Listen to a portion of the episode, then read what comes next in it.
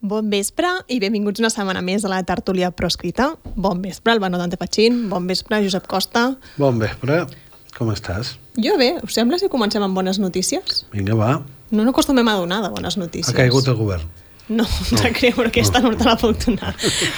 però bueno, fa uns dies que anem dient, us donarem notícies, us donarem notícies. I dic, bé, donem notícies. Primera, farem una especial tertúlia el dilluns després de les eleccions, el dilluns 24 de juliol, però per acabar aquesta primera temporada, que nosaltres estem contents que com ha anat i crec que la gent, cada vegada hi ha més gent que ens segueix, pensàvem que estaria bé reunir-nos tots plegats una miqueta i per això proposem el 27 de juliol que tots aquells que vulgueu vingueu a fer una tertúlia conjunta amb nosaltres, ens podeu preguntar coses i la fem en directe. I, i ja acabarem tots aquí?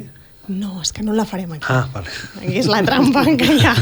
Dic, perquè si no... Jo crec que no, eh? Mira que la sotana aquí fan cabre gent, eh? Però, Però nosaltres no, no, no, no hi cabríem no tots. hi cabríem tots. Crec que serem una mica més, per sort.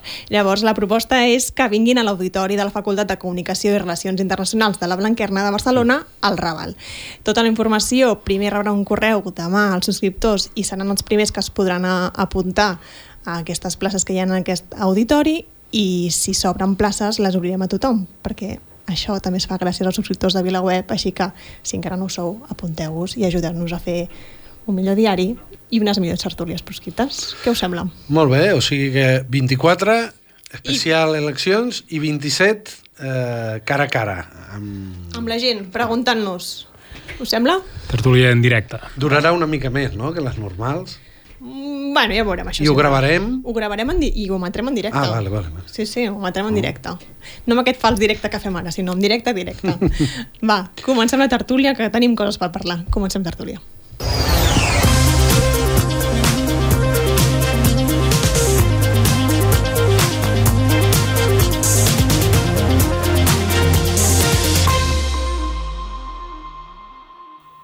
Què et queixaves ara de la... No, dic que la propera careta podríem sortir fent el pi o, o, o fent malabars. O... Podríem fer una careta d'estiu, ja perquè ja amb els Però colls la- alts i tal... Estiu ja acabem. Jo crec que la temporada que ve, no? Va, pensem, pensem una... Va, una, una diferent per la temporada Sí. que ve.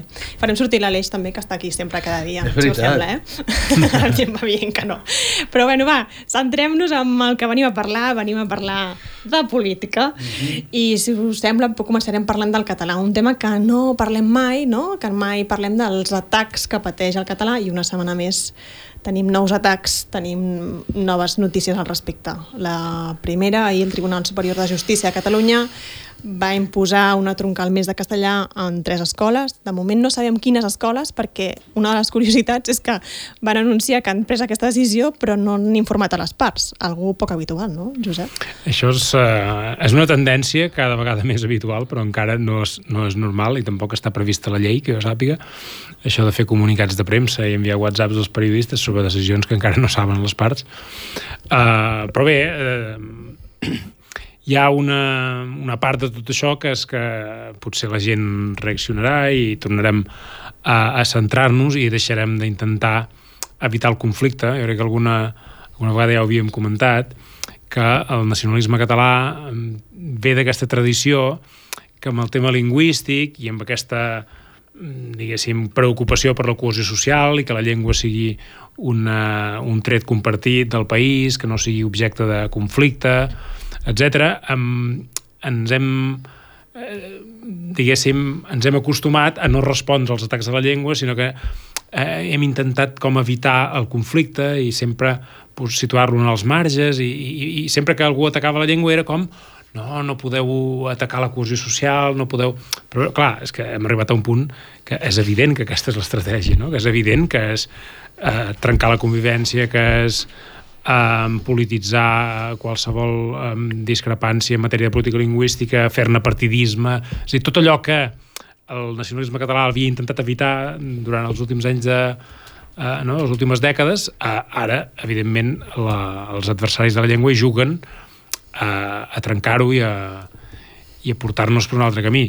I ara ens trobam amb això, que, no? que, que, que quan governen eh, partits eh, teòricament favorables a la llengua no fan gaire res, intenten no fer gaire soroll, intenten no, no remoure gaire el tema i eh, la llengua està en el centre del debat i està en el centre de la campanya electoral eh, perquè li posen els que hi estan en contra.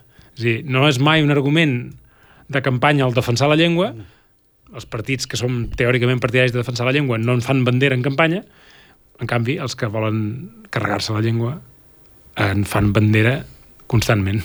No, i que a part, eh, és a dir, mentre està governant el Partit Socialista, no, que en principi aquí arriba uns acords i tal, els jutges van fent per la seva banda, per altra banda, no? és a dir, que no tampoc es necessita que estigui governant Vox, perquè... Ah, sí, no, o sigui, tot el que ha passat fins ara, diguéssim, és, és eh, governant eh, l'independentisme al Principat, eh, diguéssim, governs de progrés al País Valencià i les Illes, eh, un govern, el govern més progressista de la història a Madrid, amb taules de diàleg, amb tot això, i al final eh, eh, encara no ha passat res, diguéssim, bueno, el, el govern de les Illes el van investir la setmana passada, el govern del, del País Valencià avui, segurament, Sí, sí, ja i encara ja, no han tingut ja temps de fer res, és dir, tot, tot, tot, tot el que passa de, diguéssim, desfavorable està passant sota, sota governs teòricament amics de la llengua. Per tant, vol dir que, que no es fa la feina. És a dir, quan, quan, quan tota la gent que ara mm, posa el crit al cel pels atacs a la llengua està governant, no fa res per defensar-la ni, per, ni per avançar. Um, jo la, la primera qüestió que crec que que tinc moltes ganes de dir és una cosa que hem repetit moltíssimes vegades però com que l'engany persisteix l'hem de repetir uh, quantes vegades ens va dir Esquerra Republicana, Gabriel Rufián uh, el govern de la Generalitat uh, els consellers d'Educació que havien blindat la llengua a les escoles quantes? Moltes i cada vegada que ho deien vam ser molts els que vam dir que, escolta'm, eh, això no és veritat. I cada vegada ha quedat clar que qui advertia d'això tenia raó. Malgrat això, en comptes d'admetre que potser anaven equivocats, seguim intentant sí. anar pel, pel mateix camí. I això té dos problemes. El primer problema, que estan intentant anar per un camí que és evidentment inútil, però encara més greu, té el problema de que manté la ficció de que tu pots, diguéssim, contemporitzar amb aquesta força. No? Perquè si tu tens uns jutges que fan el 25%, etc, no, dius, no, perquè nosaltres farem això per impedir-ho, no, vetllarem pel no sé què, no només no t'hi estàs enfrontant de manera efectiva, sinó que estàs desactivant el conflicte, li estàs dient a la gent tranquil·la que això ho podem solucionar, quan és evident que no. I per tant, eh, es converteixen en còmplices, en còmplices involuntaris, segurament, no, no, no, no em vull imaginar. Ara, en còmplices per inutilitat, per la decisió conscient de no plantar cara, la decisió conscient de donar la batalla per perduda, perquè aquesta, eh, arribats a aquest punt, jo no crec que ningú, de veritat, pugui defensar que hi ha alguna cosa a fer en relació a la llengua catalana que no sigui la confrontació directa. Tu abans deies, i quan dic la confrontació directa, que sembla que algú es podrà posar les mans al cap, dic mirar la realitat i actuar, actuar en conseqüència. I la primera cosa que s'ha de fer és dir l'Estat, no Vox a Borriana, no, no sé què, l'Estat i tot el seu aparell tenen un objectiu des de fa molt de temps, que és esborrar la llengua catalana. I, i, i en la mesura que això no es digui amb claretat i que, per tant, la solució és fugir de l'Estat, és ajudar-los a aconseguir el seu objectiu. Sembla... Em sap greu dir això perquè em sembla una obvietat, però clar, és una obvietat a la vegada que quan veus al teu voltant eh, per exemple, ahir quan va sortir la notícia del Tribunal Superior de Justícia de Catalunya, eh, en, en Nuet, en Joan Josep Nuet, posava la notícia de TV3, el diputat dels comuns. El diputat dels comuns i d'Esquerra Republicana després, eh, i ara em sembla que és el... Però és un diputat d'aquestos que ha canviat d'idees o és que Esquerra Republicana ha canviat d'idees i s'ha fet de, del que pensava aquest diputat abans? Bueno, també hi ha el diputat de la Vanguardia, el diputat dels comuns...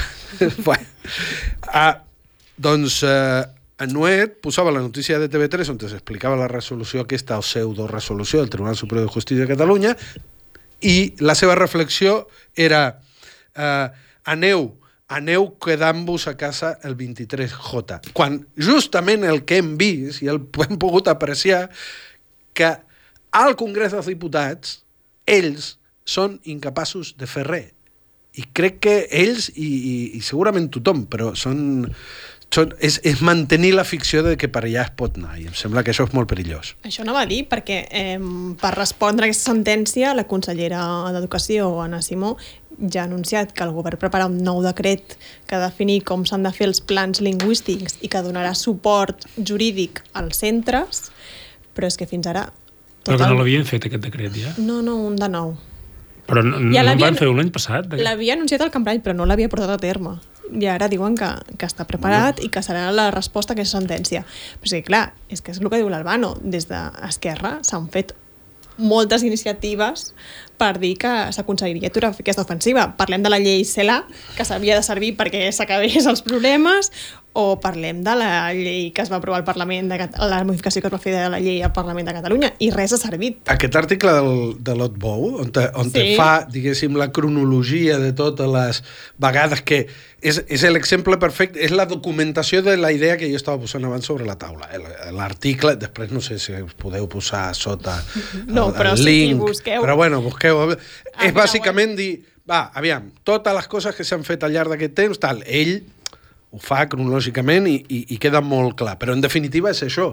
És mantenir la ficció de que la Generalitat fa alguna cosa. I això és el pitjor que pots fer, perquè en realitat el que estàs admetent és que la teva única capacitat és fer veure que fas, quan eh, a la vegada no fas. I això és el que tu deies. Escolta'm, eh, mm, ara tots a plorar què ha fet el govern eh, al País Valencià, que ha fet, és a dir, totes les coses que s'haurien d'haver fet i no s'han fet. I jo, abans, no sé si és el moment, jo abans he demanat, he trobat a Twitter una imatge... Sí, ara no sé l'Aleix és el ens la- ens la posarà. He trobat a Twitter una imatge, no sé de qui és, perquè... L'explicaràs per qui ens estigui escoltant mo- mo- només. vale, però molt- la gent ja l'està veient. Vale, molt ràpid. No, eh, eh, es veu, diguéssim, els ninotets de dalt són els catalans, no? Any 1, hem de fer alguna cosa per normalitzar la llengua, any, any 2. A cada any van fent coses. Ara hem de fer 37 milions de signatures. Eh, Tota la retall... Re, eh, tots els, la, els intents i les coses i els eh, consensos que es proposen per defensar el català, bla, bla, bla, durant quatre anys, Bé, ja ho veurem la propera legislatura bé, arriba l'espanyolisme i en dos dies, en dos setmanes ho soluciona todo. Puta Catalunya ja està fuera lo del puto català. Vull dir, uh, per què el, el, la defensa del català se, an- se autoimposa consensos, eh, signatures, eh, grans acords? Per què eh, és aquest autoboicot quan, escolta'm, fem el que cal fer. Perquè vivim presoners d'aquesta noció de que no pot haver-hi conflicte amb la llengua, de que tot ha de ser consens amb la llengua, però consens amb qui? Si, tens, si estàs en guerra, no? És dir, que est- estan tornant a ficcionar la pau, no? És dir, uh, jo crec que tot això um, és que, clar, al final totes les tertúlies les podríem acabar en 5 minuts uh, uh, dient que tot això ja ho sabíem uh, la resposta a la independència. És a dir, amb això eh, acabarien totes les tertúlies. Perquè al final, el problema de la llengua quin és? El problema de la llengua és que la primera vegada que hi va haver un intent seriós de blindar la llengua va ser o la reforma de l'Estatut. Uh -huh. La reforma de l'Estatut que amb un govern del PSOE, amb una majoria de magistrats del Tribunal Constitucional nomenats pel PSOE i amb un defensor del poble nomenat pel PSOE, es varen carregar i varen, eh, sobretot, eliminar qualsevol noció de que el català pogués ser preferent, que el català pogués estar protegit, que el català pogués estar blindat. Van dir, al contrari, que bueno, el català molt bé, sempre i quan es garanteixi l'espanyol a les aules, als mitjans, a tot arreu. És dir, per tant, hi ha un intent de país de, de arreglar moltes coses, de blindar competències, de blindar finançament, de blindar infraestructures, de blindar el reconeixement nacional, de blindar la llengua, que es diu reforma de l'Estatut. Es va aprovar el 2006, el 2010 se'n va anar a fer punyetes i des d'aleshores al país hi ha una majoria independentista. I, clar, el resum de tot plegat és quan farem la independència? Ara m'ha vingut al cap que fa poc, bueno, pots respondre a la pregunta de quan farem la independència, Albano, si vols. No. Perquè t'ho ha mirat molt directament. mirat a tu. a mi, no? Sí. Bueno, eh, Tens la bola o...? No, no, no tinc la bola, però sí que hago metatertúlia. Eh? Ara Vale. tu deies, podríem acabar les tertúlies en 5 minuts, però jo crec que una part de- d'aquesta feina de fer la independència de l'Estat, que- és, és evidentment irreformable, és fer aquest exercici de, de pensar-nos a nosaltres mateixos, de, de posar-nos en qüestió la nostra els nostres errors, aquesta imatge de la que, la que veiem abans, no? aquesta, aquestes pors, que jo crec, aquestes pors que tu dius, ostres, eh, aquests consensos, aquestes autoimposicions, aquesta por a crear conflicte, tot això, això no, no és una cosa que neix del no-res. Al final, potser es tracta de d'una cosa que la societat catalana i els catalans han se'ls ha imposat des de fa molt de temps, és com lo de que parlar català és de mala educació. Això, això, això s'ha inculcat, o sigui, això és enginyeria social que s'ha inculcat durant molt de temps i desfer-se d'això, desfer-se d'aquesta mm. d'aquesta mm, indefensió i aquesta incapacitat de pensar més enllà de lo que dirà l'altre, aquest autocentrament de manera eh, un petitíssim gra de sorra, però parlar d'aquestes coses i preguntar-nos per què passen, jo crec que és una de les claus per... Ja sé que, que, que era retòrica, no?, la teva pregunta, i els 5 minuts, però jo de veritat, eh, és veritat, podríem acabar-ho tot dient eh, com, com era això que no es pot dir a TV3, lo de puta Espanya, no? Eh, podríem acabar-ho aquí i ja està, però sí que és No veritat... deien ni puta Espanya, deien... Com era? Mm, Pi... Ah, no, No. Bo, bon, eh, puta nit i bona Espanya, no? Puta nit bueno, bueno, bona Espanya, correcte. Però, però, aqu aquest exercici constant, que no és només fer el, el, el, el memorial de greuges, és prendre consciència, i costa, i costa, perquè, perquè, perquè ens han entrenat justament pel contrari. I els nostres representants fan pedagogia cada dia del contrari. I, bueno, aviam que ens explica l'Anna Simón, pues que expliqui. No, t'anava a dir que en tot això, aquesta reflexió que està fent l'Albano i també feia el Josep, fins a quin punt també no hem d'esperar que facin els polítics i hem de fer nosaltres, no d'alguna manera? És a dir, eh, no, la llengua no sobrevivirà només perquè els polítics decideixin eh, prendre coses. Nosaltres també podem fer petites coses que faran que la llengua continuï o que la nostra cultura continuï. Hi ha, hi ha un llibre magnífic de la Carme Junyent que es diu El català depèn de tu. Uh -huh. a, a mi em va, em va semblar molt, molt inspirador i molt empoderador i crec que el, eh, si, si un dia eh, Josep Costa o és president de la Generalitat me plantaré en la plaça Sant Jaume i l'exigiré que imprimeixi una còpia per cada català i la regali pels carrers. Eh, és un llibre magnífic que, que ens ajuda a prendre consciència del nostre paper com a parlants. Dit això, la llengua és un fet polític Uh -huh. i per tant és un fet estructural, és un fet social. I per tant la política i les institucions polítiques tenen molt a dir. És a dir, és veritat que no podem externalitzar i dir, ah, mira, és que els polítics no fan res perquè com a societat també tenim eines per enfortir-nos i tal, però a la vegada tampoc els hem de, de, de, de disculpar. I les institucions si no serveixen per això, perquè serveixen, perquè al final estem parlant de drets fonamentals conculcats, mm. etc. no? No, al final, eh, la qüestió... Això ho deia un, un llibre que, mm, que es va escriure fa molt de temps, eh, que era sobre drets lingüístics, i explicava, començava explicant la noció de drets lingüístics. No? Aquí tots ens omplim la boca de la noció de defensar els drets lingüístics, no? Les oficines de drets lingüístics, de protegir els drets lingüístics, però clar, es, eh, eh, començava aquest, aquest llibre explicant, diu, home, diu, els drets lingüístics no són una cosa individual, perquè ningú demana el dret a parlar amb si mateix. Eh? És a dir, per tant, hi ha molts drets que tu els exerceixes sol, no? Uh -huh. eh, eh, que són drets que tu tens individualment en relació amb l'Estat, en relació amb els altres, però eh, els drets lingüístics eh, són eh, drets que s'exerceixen col·lectivament, que s'exerceixen en societat.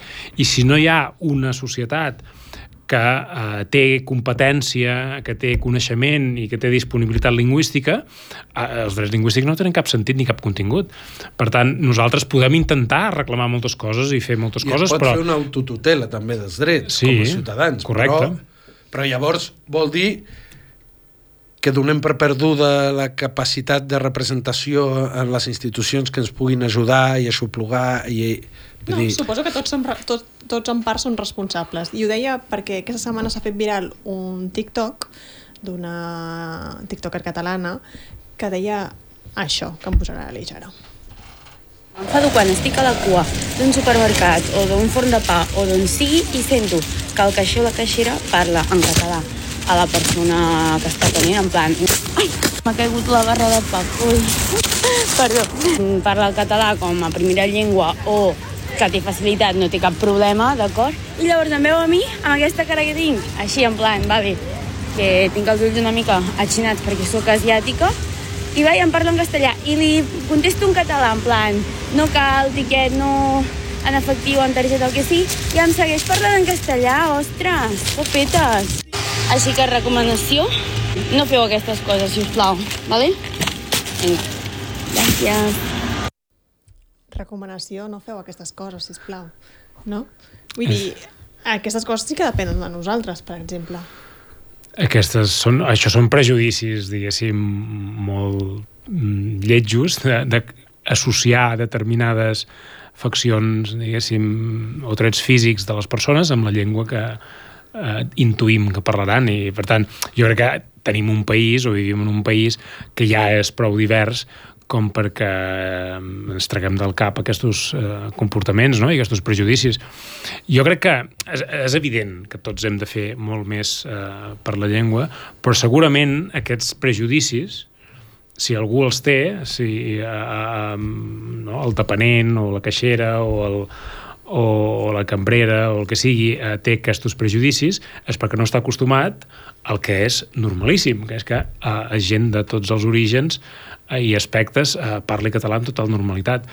I potser, i, i, i la manera de difondre això segurament és que hi hagi més eh, diversitat també en les televisions, en les xarxes, en, a, a tot arreu, no? És a dir, que la gent vegi com normal que el català es parli amb tots els accents i, i, i per gent de tota condició.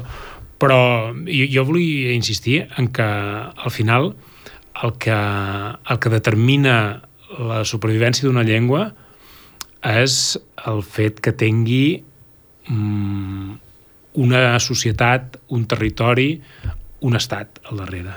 És a dir, al final la política lingüística és el que determina el futur d'una llengua. No hi ha mm, pràcticament cap exemple que una llengua hagi eh, sobreviscut només amb la voluntat dels parlants. Bàsicament perquè la, la llengua és eh, eh, un element que s'expandeix territorialment i que coincideix eh, en moltíssimes eh, circumstàncies amb la idea de la nació, amb la idea de l'Estat i amb la idea de les llengües oficials, amb, amb, amb idees que van molt més enllà de la comunicació. Van a la identitat, van a la sobirania, van al poder polític, i per tant no podem despolititzar la llengua. La, la gent s'ha de treure del cap la, la, la noció, i jo crec que, eh, ho deia abans, en part una mica també a, a certes entitats que defensen la llengua, etc, que han tendit a despolititzar o a voler treure del, del, del debat polític uh, una cosa que és, que és intrínsecament política, que va lligada a la identitat, que va lligada al poder, que va lligada a la sobirania. Una llengua sense poder és un dialecte. Per tant, la solució és... un altre cop. La solució és la independència. Jo, hi ha una... Primer, una mica de, de en relació a això, a aquest, a aquest fenomen de l'Estat com a, com a garant de, de certs drets, des de l'esquerra, moltes vegades, i, amb, i crec que amb raó, eh, es parla de que deixar les coses en mans del mercat sense cap eh, aturador, és a dir, no sé, el dret a l'habitatge, eh, el, el dret a tenir una alimentació eh, saludable, el dret a respirar un aire pur, no és una cosa que es pugui deixar eh, sense regular de fet, eh, vivim en una societat on aquestes coses s'intenten regular, mm -hmm. s'intenten regular els lloguers perquè la gent no desaparegui, que això té una relació directa amb la llengua. Aquí estem a Barcelona, en un lloc on la ciutat eh, per una qüestió eh, d'habitatge, expulsa parlants de català. Això, això és una realitat. Per tant... Eh... És, que fa, és que fa 200 anys la normalització lingüística la feien els capellans. No Mm, no? és a dir, l'estandardització de les llengües i el contacte, diguéssim, a, a, una miqueta més enllà del propi àmbit personal, doncs era la pràctica de la religió. I, i, ara és uh, tota la tota la presència de l'Estat, és que al final l'Estat és més de la meitat del PIB a la majoria de països occidentals. I per tant, eh, tens la, eh, la salut en mans de l'Estat, l'educació en mans de l'Estat, els serveis socials en mans de l'Estat, i, per tant, la llengua que fa servir l'Estat eh, és determinant dels usos lingüístics d'un territori. Llavors, eh, de la mateixa manera que defensem la intervenció eh, política, podríem dir de l'Estat, però dic la intervenció política per ordenar coses que ens fan viure millor, moltes forces d'esquerra quan arriba el tema de la llengua, allà no, allà que cada un, allà s'imposa, diguéssim, una economia de mercat, no? Escolta'm, si aquí vivim molt bé, cadascú que parli el que vulgui.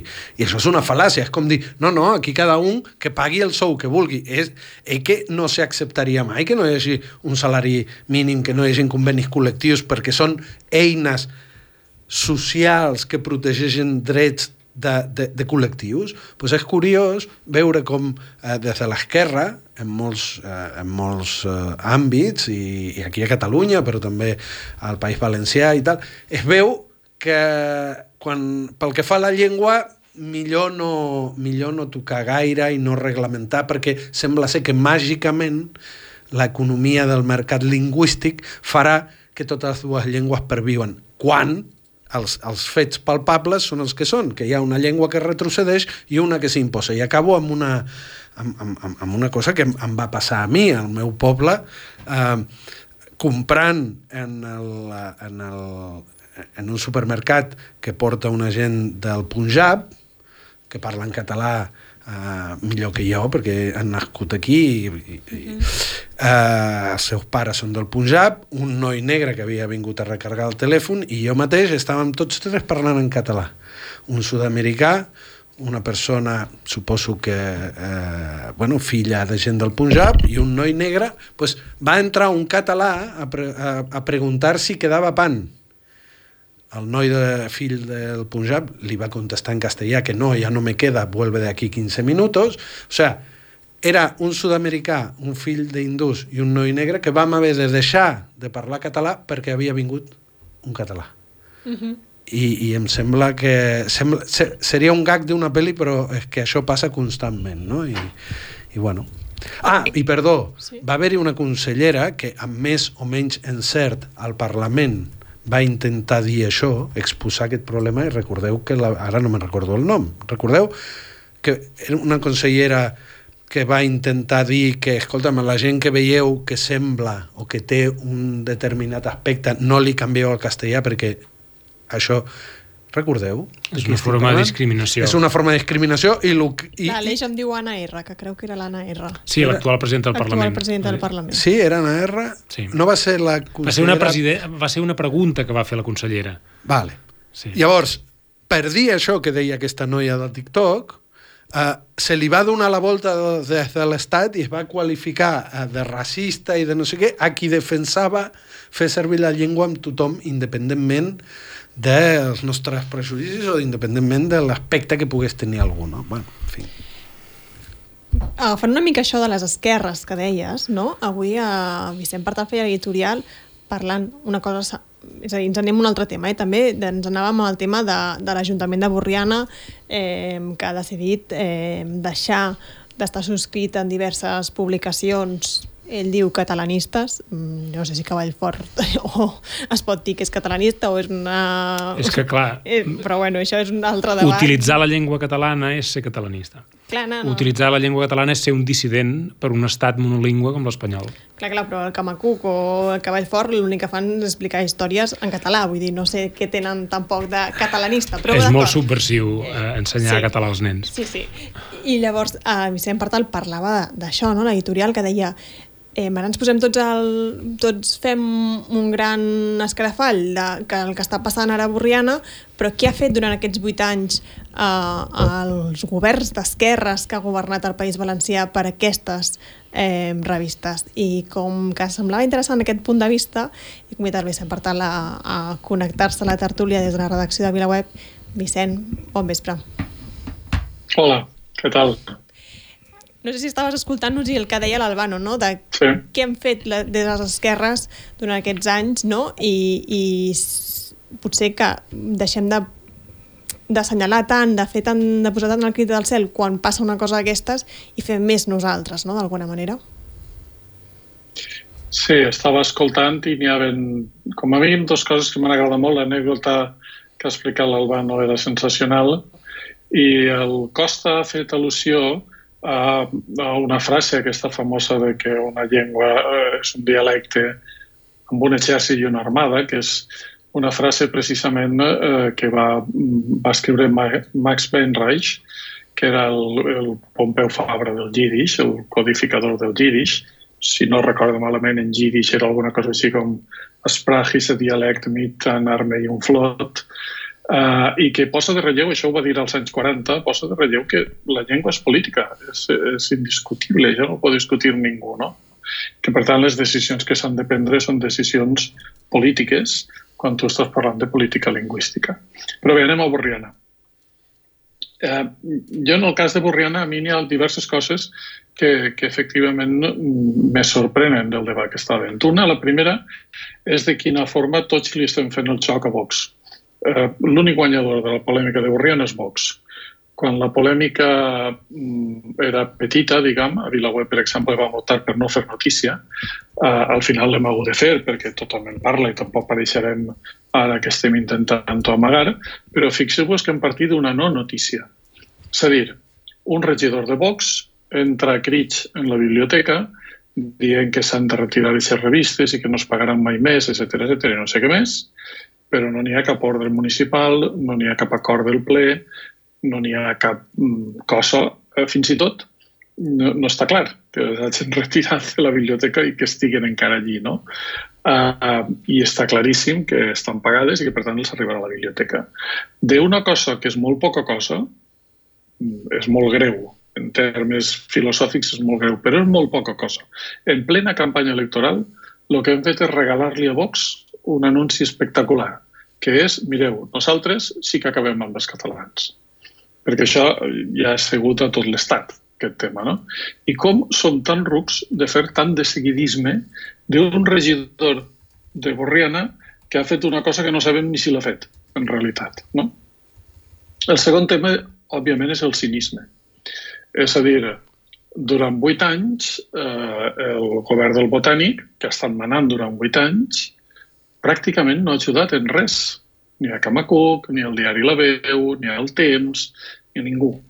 La major part dels diners mm, de política lingüística per mitjans anaven a parar a pàgines especials de diaris amb seu a Madrid o a la versió que el Levante fa eh, amb un traductor automàtic que és de risa, perquè, en fi, recordeu, així també passava fa temps amb el periòdico, per exemple, no? que, que diu, en fi, tradueix eh, de mala gana i tal. No? I durant aquests vuit anys no s'ha fet res per consolidar que l'empresa de Camacuc o l'empresa del Temps, i evidentment Enterroc i Cavall Fort i tots els altres, siguin més potents. Però, en canvi, avui tenim tot el Partit Socialista del País Valencià i tot compromís vinga a fer crits per la censura de Vox a, a l'Ajuntament de Borriana. I a mi, a mi em sembla d'un cinisme monumental.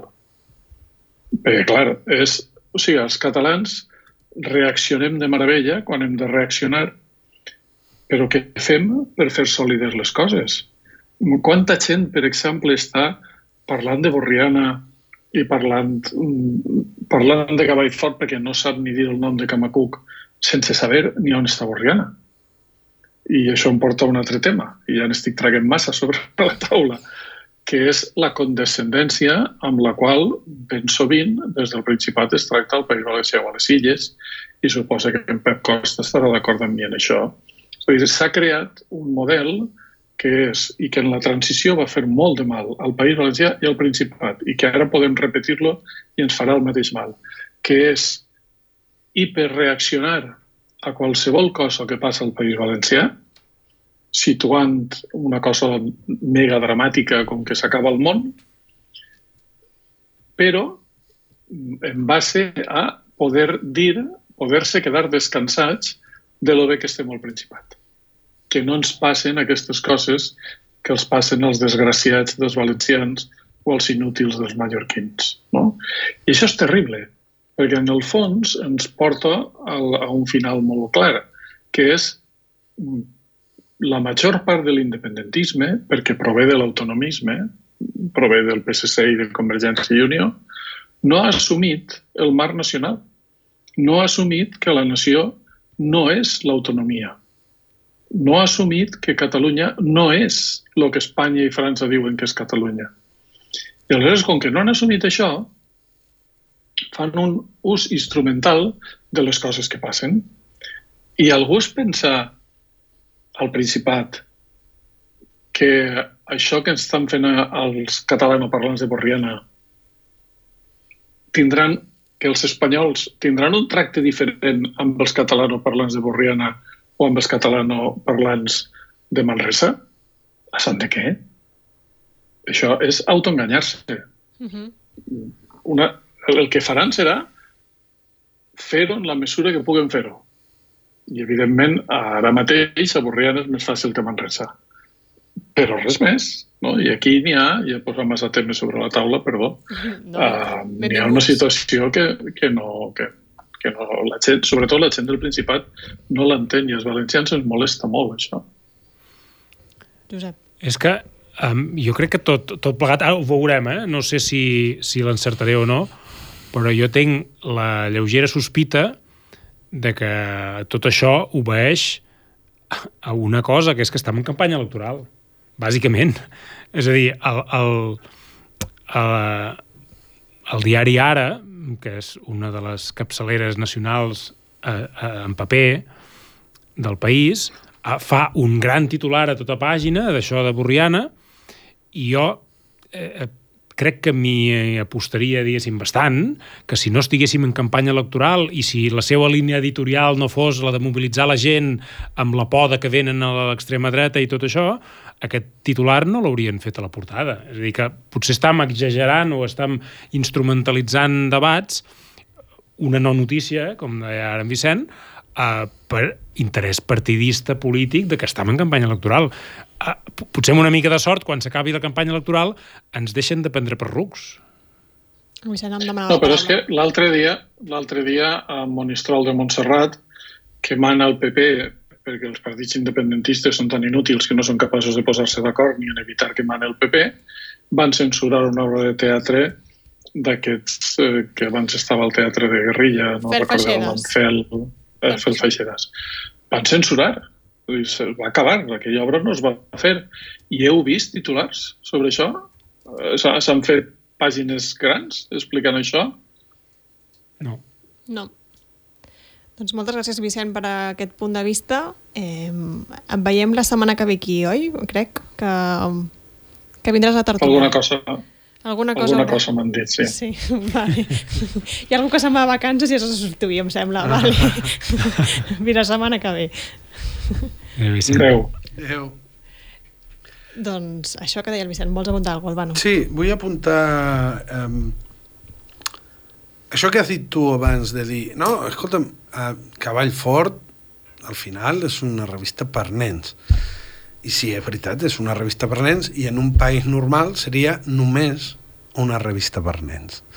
Clar, la pregunta és si ens podem permetre... És a dir, no podria ser que els de Vox tinguessin raó?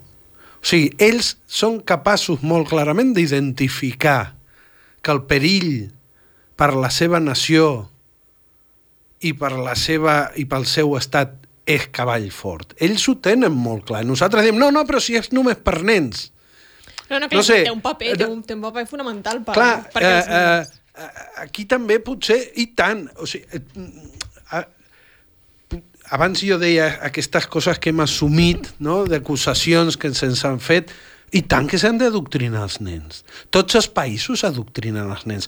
Jo vaig créixer a l'Argentina, doncs me van explicar qui era José de San Martín, com s'havia rebel·lat contra, contra els espanyols, com el virrei Cisneros va haver de sortir corrent perquè si no el pelaven, i jo tenia sis anys i m'explicaven la guerra d'independència.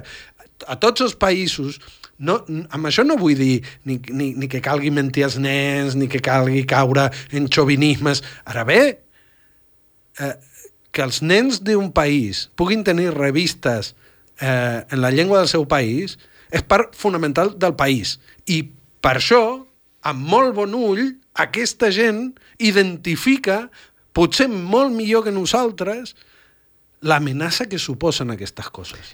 No? I nosaltres, no ho dic per tu, en general diem, ostres, però si no passa res, si només... No, no és només una revista per nens. Això vull dir que, que, que ens han fet fins i tot... Eh, eh, en Pere Antoni Pons l'altre dia en un tuit deia és que ara mateix eh, parlar català és una de les coses, mm, una de les accions de lluita antifeixista més potents que hi ha. No? Per què? Perquè ells fa molt de temps que han identificat que el català està a la base del gran problema que tenen per esborrar del mapa els catalans que posen en qüestió la unitat del seu estat. I clar, Al final- en plena campanya electoral veus els de Podemos a les Balears parlant en castellà. O veus els vídeos de compromís recordeu aquell vídeo que es va fer en castellà i dius, bueno, pues, eh, eh, llavors han guanyat els altres han guanyat els altres, t'han fet creure totes les mentides que diuen contra tu, te les creus més tu que ells. I ells sí que identifiquen quina és la veritable amenaça. És que la- la- el- l'adoctrinament principal que, que, que apliquen i que, i, i que al final acaba colonitzant fins i tot la mentalitat dels catalanoparlants és que el castellà és neutre i que el català és polític. Mm. No? És a dir, la llengua dominant és neutra, no crea conflicte, eh, està despolititzada, tothom la parla, tothom la sap, no és problemàtica. I eh, la llengua que volen dominar, la llengua que volen foragitar, la llengua que volen minoritzar, és política, és conflicte, eh, eh, eh, és problemes de comunicació, és eh, un esforç per aprendre-la, és un esforç per, per eh, fer oposicions, eh, demostrar el coneixement... Al final, eh, eh, és a dir, fins i tot una cosa tan bàsica com això, és a dir, quan tu vas a fer unes oposicions per un lloc de funcionari, el castellà se't suposa i el català l'has d'acreditar. O sigui, només això ja te, et crea un marc mental de que hi ha una cosa que és normal, que és com l'aigua, que està per tot arreu, que, eh, que Bueno. forma part del paisatge, i després hi ha la anormalitat, que és eh, justament la llengua del país, no? Vale. I aquesta, eh, aquesta, Aquest és anormal, l'adoctrinament principal a que- a la que ens sotmeten. Aquesta anormalitat no neix del no-res, sinó neix d'una història. I, per exemple, fa poc la Plataforma per la Llengua um, feia una enquesta on se li preguntava a catalanoparlants de, en un control de, de la policia en carretera quina creu que és la llengua més segura entre cometes, o sigui, en, en què respons en un control de carretera? Respons en castellà. És una pregunta retòrica, no? És una... Bueno, però també la feien en, en, el, en, el, en el cas dels jutjats. És a dir, si tu t'estan jutjant i t'està jutjant un jutge que no coneix la teva llengua, home, si Ets un depèn... país ocupat. I, i, però és que més, si depèn d'aquell jutge la teva llibertat o la multa o el que sigui, uh, i a sobre tu uh, li diré... Li, pues, la majoria part, de, una gran part de la gent deia l'enquesta, escolta'm, uh, uh, ja parlo castellà, no? Vull dir que això, aquest comportament no és només una psicologia creada, eh, respon a, a situacions fins i tot de perill i fins i tot de- de- de- de- d'indefensió, no? no? No és només Bé, un, perquè- un costum que tenen els catalans, és un costum adquirit. Jo moltes vegades m'he preguntat si, per exemple, aquesta idea de que els catalans són més reservats en comparació amb altres... Ostres, és que si durant segles i durant eh, decennis parlar en català en públic suposava un risc, probablement la identitat d'aquell poble pues, ha de ser una identitat de parlar més baixet, de parlar menys, no? Per què? Perquè si tu de petit veies als teus pares que millor ara no parlem, ja parlem quan arribem a casa, això, no sé si hi ha estudis d'això, no sé si algun dels nostres espectadors quan ho vegi sap, però jo crec que eh, eh, aquestes coses de la psicologia col·lectiva s'arrosseguen i s'arrosseguen durant moltes generacions. Bé, és, és psicologia dissident, eh, és psicologia d'una minoria que eh, et demostren cada dia per activa i per passiva que fas nosa. I, i potser que assumim nosaltres això que dèiem, que parlar català és fer política, que, que, que editar eh, llibres, editar revistes, editar diaris en català és fer política i que per què és, poli per què és fer política? No perquè nosaltres ens, ens vengui de gust polititzar les coses, no, és que quan tu ets una minoria dins un estat que et considera una anomalia, qüestionar aquest domini de la llengua estatal, qüestionar el domini del nacionalisme d'estat, és fer política.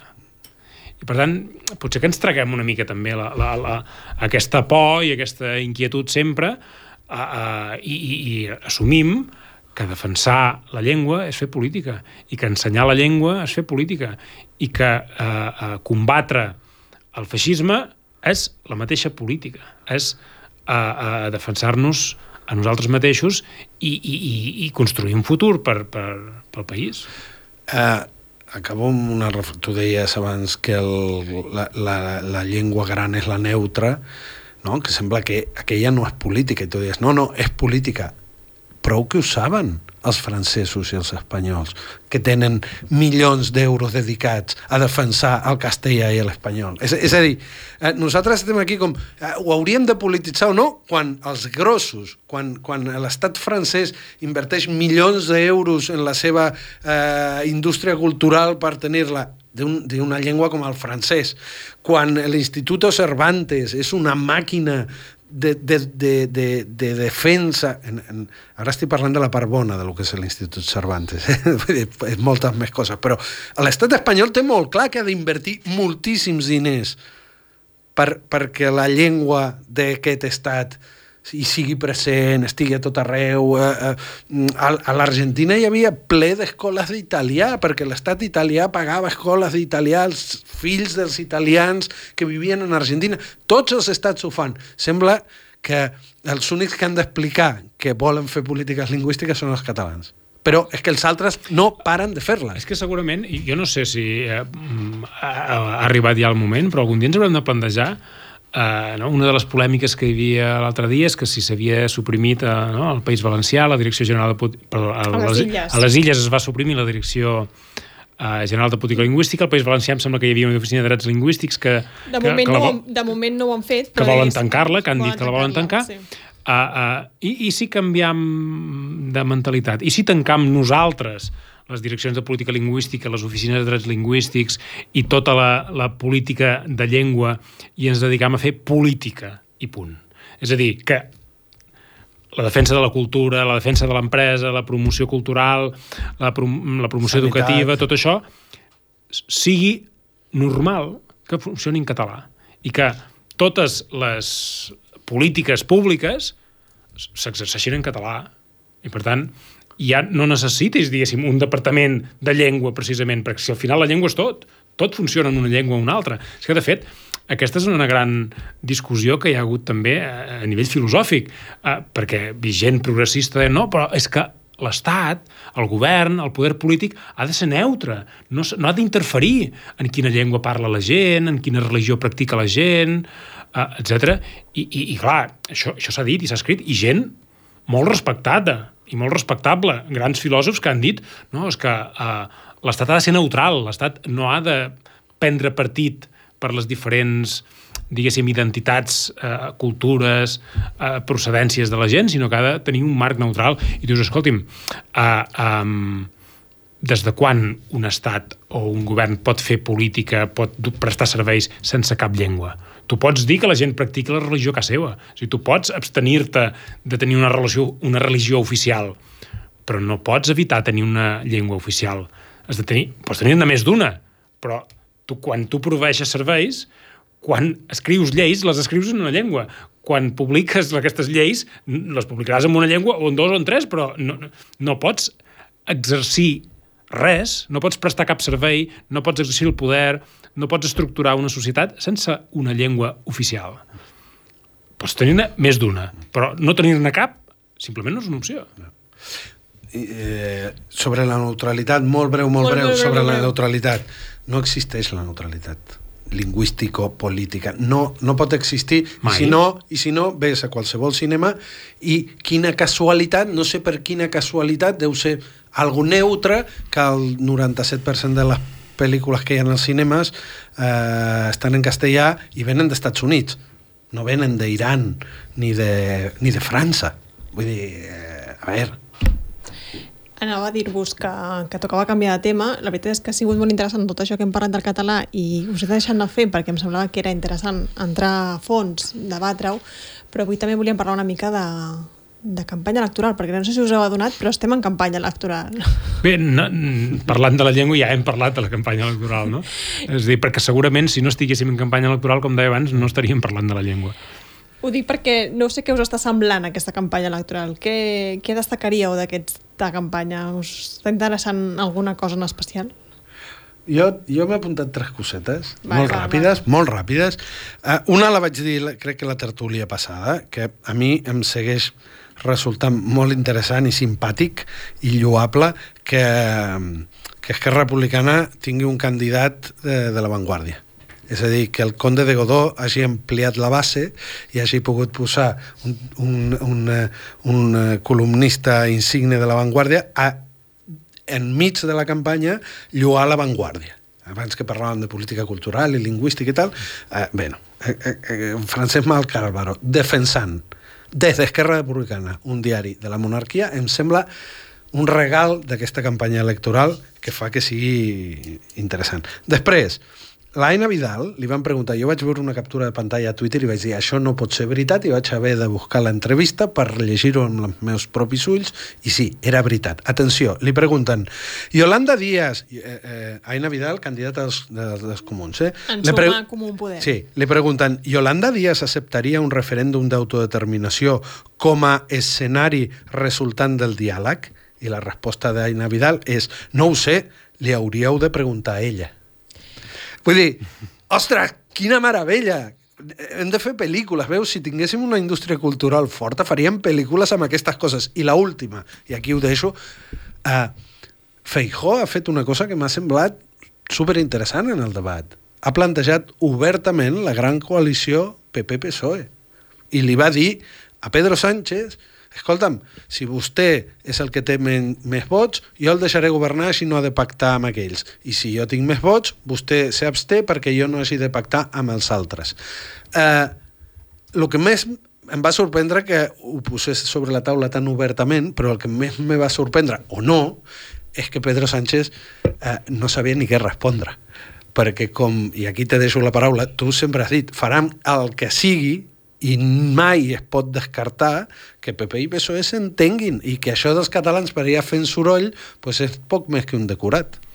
És que abans, mm, abans ho havíem dit moltes vegades, això de que el PP i el PSOE es podien entendre, però és que no hem de deixar de recordar que el govern de Mariano Rajoy, que va aplicar el 155 i que va enviar a la presó i a l'exili el nostre govern, el va investir el PSOE. I el va investir el PSOE perquè malgrat que hi havia una majoria entre els partits de l'esquerra espanyola i els partits independentistes, ni tan sols se li va passar pel cap al senyor Pedro Sánchez, que era el candidat del PSOE, eh? ni tan sols se li va passar pel cap demanar els vots independentistes per ser investit. Vull recordar, torno a dir perquè ningú se n'oblidi, perquè ningú es despisti, el 2016 Pedro Sánchez era el candidat del PSOE. Pedro Sánchez podia aritmèticament sumar una majoria absoluta per ser investit com a president del govern amb Podemos, amb els partits independentistes catalans i amb els nacionalistes bascos. Li sobraven diputats de ser investit. Ni tan sols s'ho va plantejar, mai es va discutir. És que ni tan sols els partits independentistes es varen plantejar d'investir en Pedro Sánchez el 2016 perquè no tinguéssim un govern del PP. Escolti'm, i ara per què és tan important que no hi hagi un govern del PP? El 2016 ningú Ningú, ni el PSOE ni els partits independentistes, no varen proposar de fer un govern alternatiu en el govern de Mariano Rajoy. I, de fet, el PSOE sí que hi va haver aquella pirueta de que en Pedro Sánchez es va apartar un, temporalment i va ser el PSOE, diguéssim, l'aparell que va investir en, en, sí, en Mariano Rajoy i després ell va tornar per la moció de censura, no? Sí. Uh, perquè, va clar... fer la volta aquella amb el cotxe. Va fer la volta, va fer l'entrevista amb l'Evo dient sí. que si el grup Prisa, que si no sé però, què... Però, clar, eh, quan es va produir la moció de censura, és dir, el, el fet que es produís la moció de censura el 2018 demostra matemàticament, aritmèticament, que es podia haver investit en Pedro Sánchez el, el 2016, perquè el Parlament era el mateix, les majories eren les mateixes. Per tant, escolta'm, que no ens enredin massa, ja, que, que no ens prenguin massa el pèl, que ja, ja ho fa ho tenen per costum de prendre'ns per tontos. I això de les campanyes electorals a vegades a, a, a, ens insulten massa la intel·ligència, els polítics, amb els discursos que ens fan, amb, amb les campanyes, els eslògans... Clar, però que, que PP i PSOE facin això forma part de... Vull dir, no els podem culpar, i et serveixen per això. Jo, a, mi, a mi qui em preocupa són tots els altres, que, que, que, bueno, que, els, que volen negar la realitat. Els que ens haurien de representar nosaltres, els que ens haurien de defensar, i, i, i estan ballant a la música de, de, de de la política espanyola i això i això és el que més a mi em sorprèn d'aquesta campanya electoral, a grans trets, és a dir, el que més em té, em té eh, fascinat és aquesta capacitat de fingir, de mentir i d'insultar-nos la intel·ligència explicant escenaris, no? És dir, ostres, passarà això, passarà allò, i no sé què. I, i, i tu dius, però si tot això ja ho hem viscut, si no cal anar més que 5 o 6 anys enrere per veure com funciona Espanya i com funcionen les coses. I al final tot ens porta a, a, a en això que potser hem contat alguna vegada, que si tu fas d'independentista, si tu exerceixes d'independentista, Espanya no et vol ningú. No, els teus vots no els voldran. Eh, no, no, no, no estaràs decidint la investidura. Uh, estaran els altres partits mm, discutint-se entre ells a veure com poden fer govern sense tu, perquè tu ets un apestat, et faran un cordó sanitari i diran aquests són independentistes, aquests no podem permetre que tinguin un poder de decisió en la política Va. espanyola. Només tens poder de decisió, com es va demostrar amb Esquerra i amb en Rufián, quan, quan vas no enrere. hi cobres res. No, quan no defenses la independència. Ah, quan defenses polítiques d'esquerres, quan defenses la reculada de l'1 d'octubre, aleshores ja, ja et volen. És a dir, ah. per, per fer política espanyola sí que serveixen els vots independentistes. Per fer independentisme, no, perquè et marginen i et tenen això. I ara, una altra cosa que jo volia dir, que volia destacar de la campanya electoral, potser estic fent un spoiler de coses que passaran la setmana que ve, els últims dies de campanya electoral. Però a mi, a mi mira, em crida l'atenció, perquè perquè, clar, hi ha moltes coses que, les, que quan passen les veus venir i, i, i, i penses, ostres, això quan arribi la campanya... Ara dirà el tall, el tall de Twitter, el dirà. Uh, vale, me l'apunto. A veure, però l'ha dit, de a, a, mi, a mi m'ha sorprès que ni el partit més fatxa de la política espanyola encara no ha promès revocar els indults dels independentistes presos. Sí, sí no ho ha promès ningú encara. Ningú... És a dir, encara no han tret l'espantall aquest de que, oh, si guanyen aquests revocaran els indults i tornarem a tenir presos com polítics. Com és que no ho han... Ah, no Perquè sé. això ven. Jo, això jo, ven. jo m'he pres la molèstia de mirar el programa electoral del PP i el programa electoral de Vox Hòstia. i no, eh. no porten. Fa la feina, fa no la porten. feina. No, no porten, porten. no porten el programa... La revocació dels indults... La revocació no. dels indults, no. I això què vol dir? No, no m'atreveix que Eh. interpretar-ho. Mm. Espera, que encara potser ens estan escoltant i ara ho, ho afegeixen. Bueno, potser, Potser no no poden. spoiler, potser això era el, la, la notícia de final de campanya. Bueno, o, però és curiós. o, és... o, o potser, potser això és la demostració de que els indults no eren una cosa que han arrencat els independentistes, sinó que és una política d'estat, que està per sobre del PP, per sobre de Vox, i que potser algú molt amunt ha dit han d'haver aquests indults. Home, la qual cosa contradiria un dels grans arguments de la campanya, per exemple, d'Esquerra, que és que ells han guanyat els indults. No, els indults probablement eh, són la major victòria de, del regne d'Espanya. Jo, hi, hi ha una altra cosa que, que és que fins i tot mm, no, no sé si vosaltres teniu el record o no, però fins i tot mm, jo mateix em considero una persona informada que cada dia he llegit normalment moltes notícies, molts diaris i tot, i jo hi ha una cosa que em té fascinat, que és que eh, el PP, en el seu moment, va fer una campanya de recollida de signatures contra els indults. Mm. I, I jo no, no sé quantes signatures varen recollir, perquè de sobte va desaparèixer del mapa aquesta campanya i ningú mai més va sentir-ne parlar. Recorda, tothom recorda la, la, la furgoneta carregada de caixes amb signatures de l'Estatut, no? el 2006-2007, quan el PP va fer tota aquella campanya massiva de uh, firme contra Catalunya, mm. no? i varen presentar-se al Congrés allà amb una furgoneta carregada palets, de, de signatures, palets. de 4 milions de signatures en contra de l'Estatut de Catalunya. I ara, quan es van fer els indults, van fer la mateixa Varen, se suposa que van fer el mateix, no? van anunciar. En, van començar a fer-ho.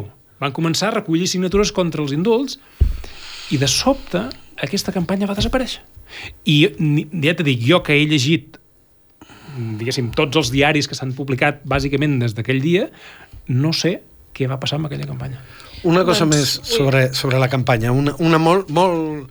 Encara no he sentit cap diputat o cap candidat independentista que prometi que es plantarà en el faristol del Congrés i que parlarà català fins que vingui la Guàrdia Civil a treure'l.